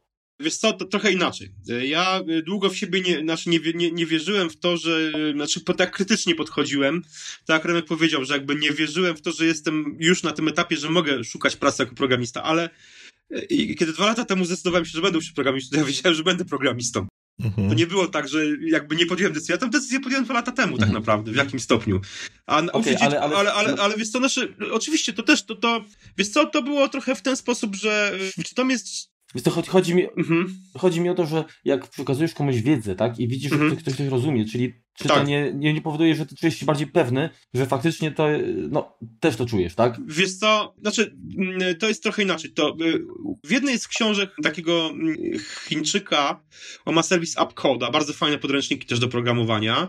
On napisał jedną ciekawą rzecz, że, że na początku we wstępie, żeby dzielić się wiedzą, którą się zdobywa, bo to jest najlepszy sposób na utrwalanie tej wiedzy. W sensie, że no, nie musisz właśnie. być, wiesz, nauczycielem super profesjonalnym, czy już być, wiesz, mistrzem w tym. Dziel się tym, co, z czego, czego się nauczyłeś. I trochę, trochę, trochę w ten sposób, wiesz, ja do tego trochę w ten sposób poszedłem. Znaczy, też z drugiej strony czułem, że z tym programowaniem, że to jest jakiś, jakiś, jakiś e, rzecz, którą ja trochę przebimbałem sobie w młodości, w sensie takim, że miałem no, komputer dość wcześnie, coś tam tego Basica, jakieś podstawy liznąłem. No i powiedzmy w czasach licealnych już, już że tak powiem, zacząłem czcić, czcić diabła i chodzić na koncerty i generalnie zajmować się tylko, tylko rock'n'rollem. Więc zupełnie to jakby odłożyłem. I trochę to jest takie, wiesz co, stwierdziłem, że moje dzieci mają, żyją w zupełnie innych realiach. Przede wszystkim, no, ja mam cały sprzęt na Apple, mają, nie wiem, trzymaki w domu, iPadów, masa starszych, nowszych i stwierdziłem, że one są techniką i fajnie jakby z tej techniki jakby nie tylko wyciągnęły bajki, które lecą na ekranie iPada, tylko coś więcej. Postanowiłem, że daj mi podstawy, które w przyszłości może im się przydadzą, może nie. Nie mam oczywiście czegoś takiego, że synek będzie realizował taty marzenia z dzieciństwa i stanie tym, kim tata nie został przez długi okres swojego życia. Ale stwierdziłem, że ponieważ moja wiedza na temat programowania, to było już mniej więcej po roku nauki, mhm. jest już na tyle duża, że mogę zacząć programować mojego syna, po to, żeby jeżeli on będzie w wieku tam powiedzmy 12 lat, 13, jeżeli mu się to spodoba, to już wtedy będzie, będzie miał na tyle duże podstawy, że wejdzie w to po prostu jak w masło. A w ogóle zaczęło się to dość tak, dość też ciekawie, bo pierwszy program, jaki pokazałem mojemu synowi nie był na, nie był na, na, na Macu, czy na iPadzie, czy był, był, był na kartce papieru i to były zwykłe klocki Lego, nie żadne Mindstorms czy coś takiego, zwykłe Lego Duplo. Mój syn miał wtedy 5 lat y, i 2 miesiące, nauczył się on się dość wcześnie nauczył czytać, bo nauczył się czytać mając dokładnie 5 lat. 1 listopada na urodziny, a Dostał krótko książkę, książkę Leweja, tak na urodziny. krótko, krótko, krótko, krótko, miesiąc później napisał list do świętego Mikołaja pełnymi zdaniami, więc drukowanymi wow. literami, ale pełnymi zdaniami, więc no nam kopara opadła z żoną po prostu, naprawdę, no, jak, jak, jak, jak nam pokazał list, że trzeba wysłać list do świętego Mikołaja. Więc dwa miesiące później jakoś się z nim bawiłem klockami Lego właśnie Duplo. Jakieś małe klocki były takie, takie wielokolorowe. Mówię, jest to Olaf, to jest, to jest robot, a te klocki masz zebrać. Masz zebrać, się napiszę, które masz zebrać, co masz robić. Ustawiłem mu te klocki w rzędzie, napisałem mu na kartce pięć linii. Tam pierwsza, Sprawdź, jaki klocek jest pod sobą. Jeśli, jeśli jest klocek czerwony, to połącz się z nim. Jeśli inny kolor, nic nie rób. Punkt następny, idź do przodu. A jeśli jesteś na końcu, no to wróć do punktu pierwszego. Coś takiego. I on to wykonał. Sobie przeczytał to i wykonał ten program, nie? Więc mówię mu, no widzisz, synku, tak wygląda programowanie, prawda? No i potem stwierdziłem, że będę go właśnie uczył. I takie podchody były kombinowałem, czy tam Code.org, taki jest serwis, oni mieli takie programowanie w Scratchu, prostych rzeczy, tam jakieś tam mhm. z tych postaci z Gwiezdnych Wojen. I trochę z tym się bawiliśmy, ale tak naprawdę przełomem dla mnie był właśnie był Swift Playgrounds, jak Apple wypuściło Swift Playgrounds. Bo to jest, to jest dla mnie no, no, genialna aplikacja, genialna w swojej jakby tym, jak to wygląda, jak to jest zrobione i jak zachęca dzieciaki do nauki programowania, prawda, nie? Chociaż jest po angielsku i nie każdy, nie każdy dzieciak, dzieciak to rozumie angielski, ale jest po prostu ta wiz, wizualna część, ta wymiarowa, ten, ten, ten, no to jest, to jest super. Jak y, Apple to pokazało, zacząłem Olafa uczyć w domu tego, ale to było no trochę tak, że pracując w domu, no to tak naprawdę dzieciaki oglądają moje plecy przez większość czasu. I to było tak, że dwa dni go pouczyłem, po czym dwa tygodnie go nie uczyłem, prawda? Po czym znowu mhm. tam, no, trzy dni spinka, po czym znowu dwa tygodnie nic, nie? I to, on, to, to, było, to były wakacje, on był już szedł do drugiej klasy, a ja w pierwszej klasie prowadziłem taką lekcję z nowych technologii u niego. Mm, tam miała być godzina, wyszło, wyszło cały dzień w zasadzie. Uh-huh. Ja pokazywałem dzieciakom wirtualną rzeczywistość, hologramy, i pokazywałem tam, co tam jeszcze im pokazywałem, a i roboty sferą im pokazywałem. Też, że można je programować. Akurat wpadłem na pomysł, że w sumie to mógłbym zamiast uczyć go tylko tam raz na dwa, trzy tygodnie, jak mi się tam akurat przypomni, uczyć go w domu, no to mogę uczyć, uczyć całego klasę raz w tygodniu i wtedy przynajmniej no, będę miał pewność, że raz w tygodniu mój syn też się nauczy programowania, nie? I to faktycznie dogadałem się z wychowawczynią, dogadaliśmy się z dyrekcją i w listopadzie ubiegłego roku, na początku listopada, no ubiegłego, dwa lata temu już prawie, czyli 2016 roku, to była druga klasa. Zacząłem te lekcje programowania właśnie w Swift Playgrounds i, i do dzisiaj ciągnę. One są raz w tygodniu, prowadzę lekcje normalnie w jego klasie. To, to nie jest tak, że ok, okazyjnie. To jest normalnie dogadane z rodzicami. Jest to... W siatce godzin odhaczony Krystian. Tak. Także tak to, tak to wygląda. I raz w tygodniu prowadzę, i prowadzę im lekcje z programowania. To, jest, to są zajęcia oczywiście fakultatywne, czyli teoretycznie dzieciaki nie muszą na to chodzić, ale większość chodzi. Rodzice większość dzieci wysyłają. Nie wszystkie. No i robimy, przerabiamy te, te lekcje ze Swift Playgrounds. No, po roku dzieciaki wiedzą, co są pętle, wiedzą, co to są pętle warunkowe while, wiedzą, co to są instrukcje warunkowe, wiedzą, co to są zmienne, wiedzą, co to są stałe, wiedzą, co to są operatory logiczne. Więc już wydaje mi się, że jest całkiem, całkiem nieźle. Oczywiście ja dodatkowo jeszcze też, też niecodziennie, to, ta systematyka domowa też jest słabo z nią, ale średnio tam dwa, trzy razy w tygodniu dodatkowo uczę jeszcze Olafa programowania jeszcze dodatkowo, no to no mój syn kilka dni temu rozpoczął już, już wszedł, już wszedł w programowanie obiektowe, już, już poznał, co to są klasy, co to są typy, co to są obiekty, co to są metody, co to są własności, mhm. i już się przesiada z, powoli ze Swift Playgrounds na Playgroundsy w Xcode normalne, nie? Także no, ma 8 lat ma, także no, wydaje mi się, że jest, jest, szansa i podoba mu się to. Kręci go to, więc wydaje mi się, że jest. Oczywiście nie ma, tu nie mówię, nie ma, nie ma tutaj presji na coś takiej, że mój syn musi zostać programistą, ale jeżeli na tym etapie będzie dalej się rozwijał, no to myślę, że za. Bo oczywiście mamy umowę z. On chce do końca roku szkolnego napisać, napisać grę na iPhone'a, nie? Myślę, mhm. że jakiegoś ponga napiszemy, nie? I myślę, że to jest jakby już w granicach jego, jego z moją pomocą, ale jest to już w granicach jego, jego możliwości do końca roku faktycznie takiego ponga na, na, na iPhone'a napiszę i być może za 2-3 lata stwierdzi, że będzie chciał robić coś zupełnie innego, okej, okay, ale już będzie miał tak naprawdę taką wiedzę, że w każdej chwili będzie mógł do tego wrócić. Jeśli stwierdzi, że będzie chciał Dokładnie. być programistą, no to będzie nim po prostu mógł być. No. Także... Myślę, że ta, taka jest nasza jakby rola jako rodziców. No, musimy jakby umożliwić dzieciom realizację ich jakichś pomysłów, tak? No, tak, u, no. Mnie, u mnie starszy syn Robert, nie wiem, chyba 10 lat temu kiedyś zapragnął, że on będzie grał na gitarze, tak? No to kupiliśmy mu jakąś gitarę, oczywiście musiała być elektryczna, no bo nie będzie grał na, na zwykłej gitarze, jakąś przejściówkę do iPada, żeby, żeby z piecem nie musiał siedzieć. No i rzeczywiście mhm nie wiem, dwa tygodnie ferii, nawet jak, na jakiś kurs go wysłaliśmy. No rzeczywiście tam grał, tam Red Hotów jeden kawałek potrafił zagrać, natomiast później poszło, poszło to zupełnie gdzieś tam zapomnienie, to wiosło gdzieś mhm. leży w piwnicy. Natomiast no jakby odfajkowane, no chciał, spróbował, wie, że to jednak... No tak, nie jego. Nie jego bajka, tak. No, no, no tak. No to wiesz, no mnie, mnie, te, mnie też jakby chodziło, że no dobra, to wiosło leży, no to dobra, to może tatuś się w końcu nauczy grać. Natomiast no to jest też... Wiesz, to bardzo mi się spodobało jakby y, twoje podejście do, do nauki programowania. To było właściwie takie, takie prawie fitnessowe, tak? Że mam dwie godziny dziennie poświęcić na, na, na coś tam. No to tak. było tak jak, tak, tak jak ludzie właśnie biegają, czy, czy nie wiem, jeżdżą na tak. rowerze. E, to fajnie, fajnie właśnie to jakby przeszczepiłeś na, na jakieś takie samo doskonalenie. cały czas staram się, cały czas staram się, oczywiście teraz dwóch godzin w domu, no nie jestem w stanie wykrzesać już na, na naukę programowania taką w sensie z podręcznikiem, ale staram się codziennie mimo wszystko przyjąć. Nie zawsze mi się to teraz już udaje, po prostu ten czas jednak... Do zmęczenia materiału, dość mocno. 8 tak, godzin no, masz to w, no właśnie, w pracy, dokładnie. Ale, ale, ale mimo wszystko staram się i, i też padłem w takie uzależnienie po prostu od kupowania nowych podręczników do Swifta, nie? I już po prostu, już mam trzy, już mam trzy takie, które wiem, że w najbliższych dwóch, trzech tygodniach kupię, nie? Także i jeszcze robić, bo tam jakieś 2 do M, MVVM, takiego modelu uh mhm. -huh. architektury, nie? Gdzieś tam jakiś jeden ostatnio też coś tam robiłem w pracy i jakimś tam znalazłem na stackover, na, na GitHubie coś, coś okazało się, że są jakieś y, fragmenty kodu uzupełniające do książki, więc książkę sobie teraz z O'Reilly już jakoś tam wersję próbną czytam i też się zastanawiam, czy nie kupić, więc no generalnie cały czas. Nie, no to mnie, to mnie kręci, to jest, to jest pod tym względem tutaj faktycznie mam, mam sporo dyscypliny. Z fitnessem już gorzej, nie? Chociaż teraz y, z racji tego, że jestem, mam naciśnienie, więc biorę leki naciśnieniowe, to jednak ta tabletka rano, którą muszę przyjąć, dość skutecznie zachęca do, do, do odchudzania. No i tam faktycznie zrzuciłem już 10 kilo nie? przez miesiąc, ale no zobaczymy jak będzie później. Także...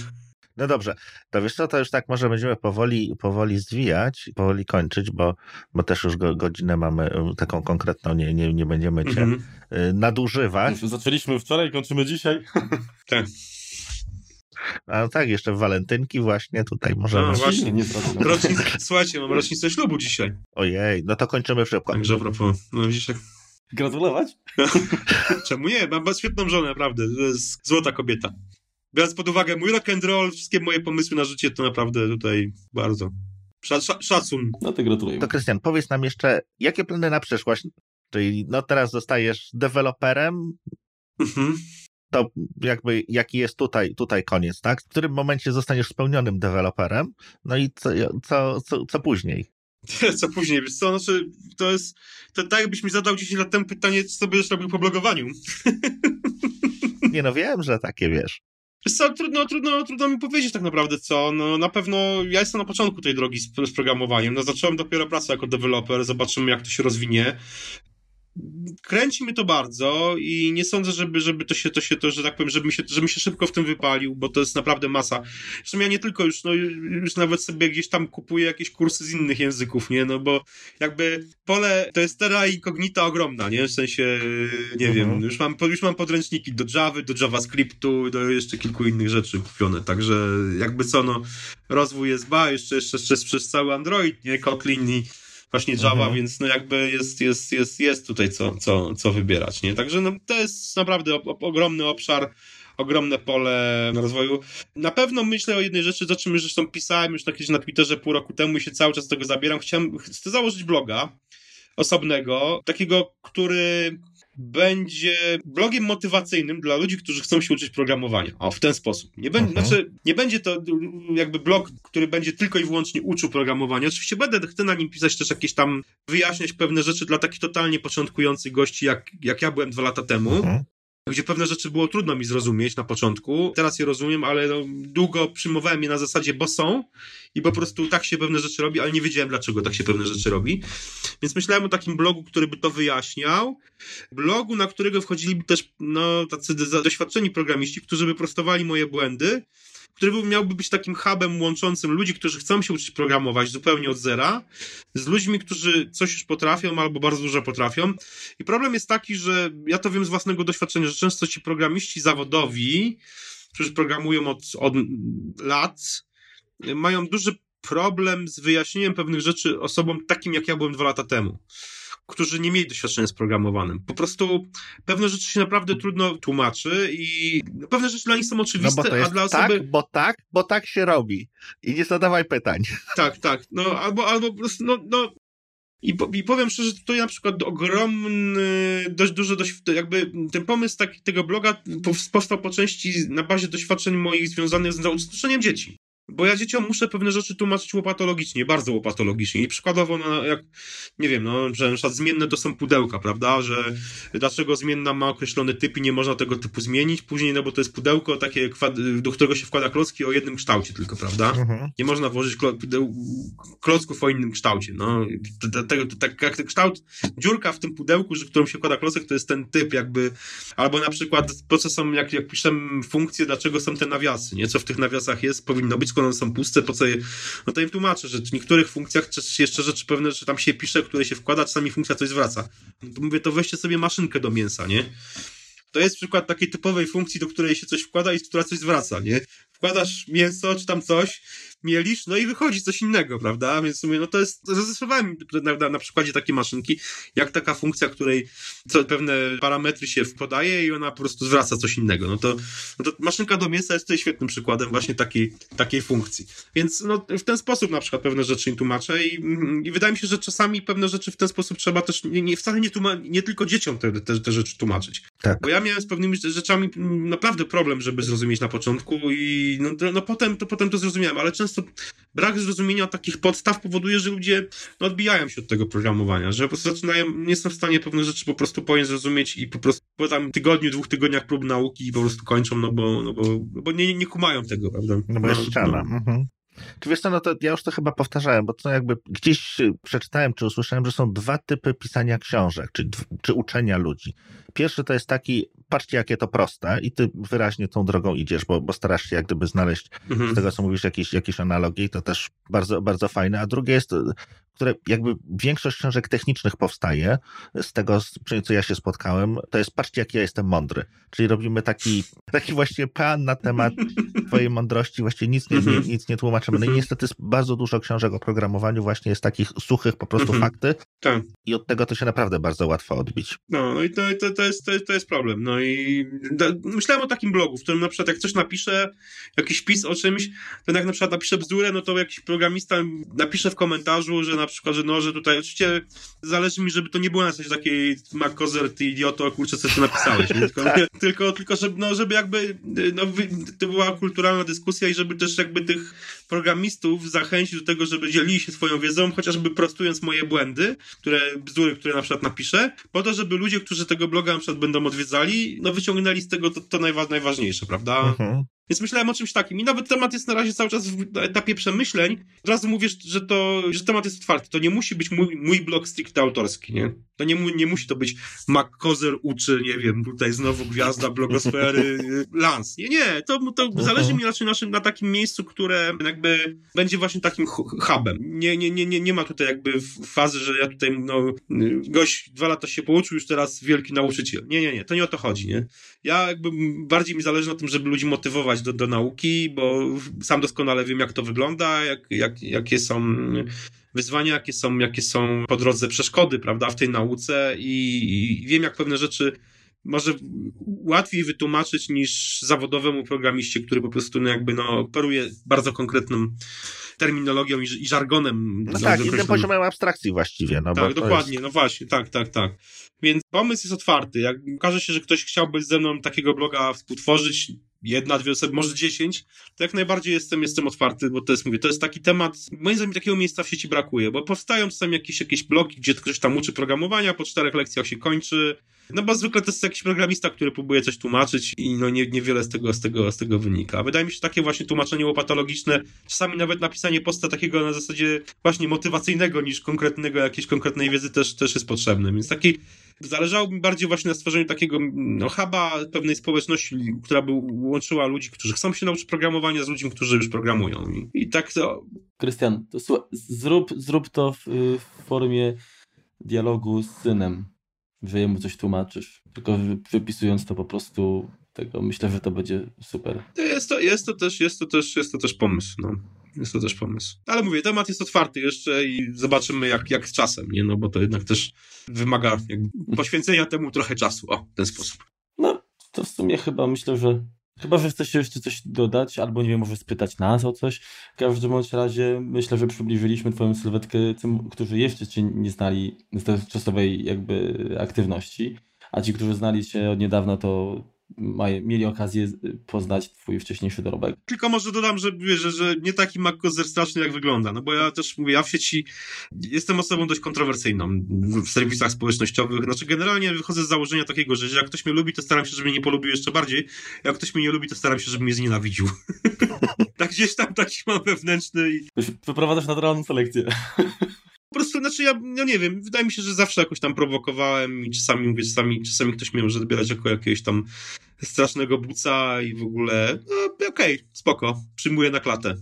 Ale wiesz co, poznając się tak, no bo spotykaliśmy się tam kilka razy w różnych, w mhm. różnych okolicznościach jakichś tam konferencyjno-wyjazdowych, no to wiesz co, tak na, może to zabrzmi jakoś, ale jesteś naprawdę bardzo ciepłą, zupełnie inną osobą, y, tak werbalnie, niż, niż, niż sieciowo. No ja wiem, ja wiem, z tego zdaję sprawę, jak najbardziej.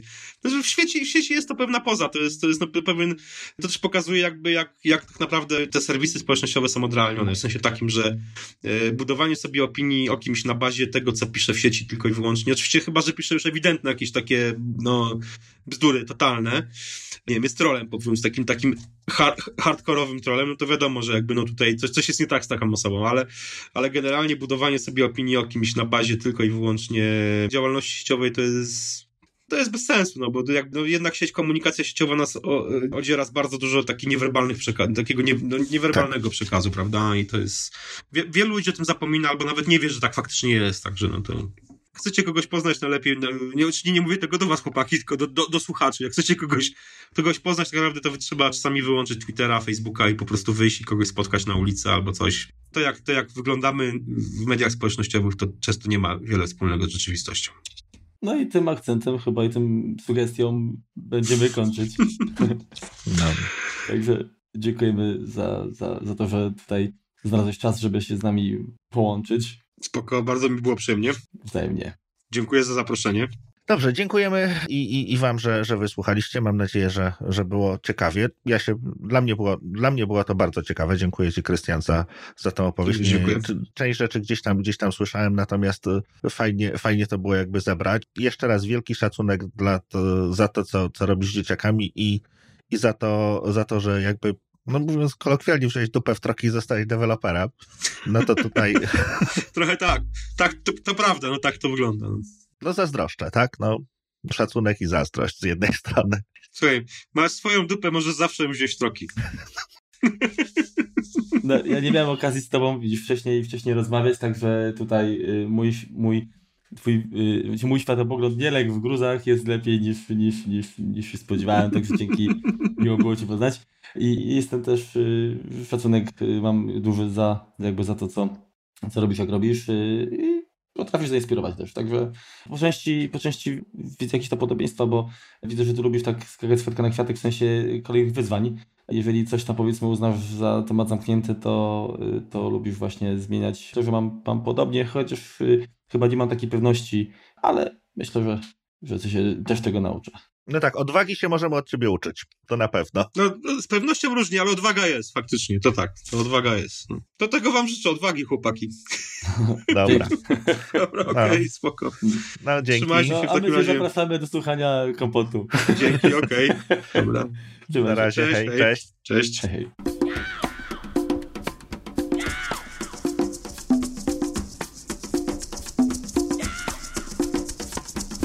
No, no o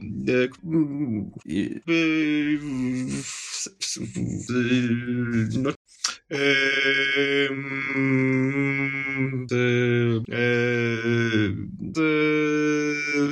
no, no nie, no nie, no nie, no nie, ja mówię, jakby to ja tylko jeszcze mogę, Rybku? Tak, dawaj. Mam, znaczy, bo no, no, i no się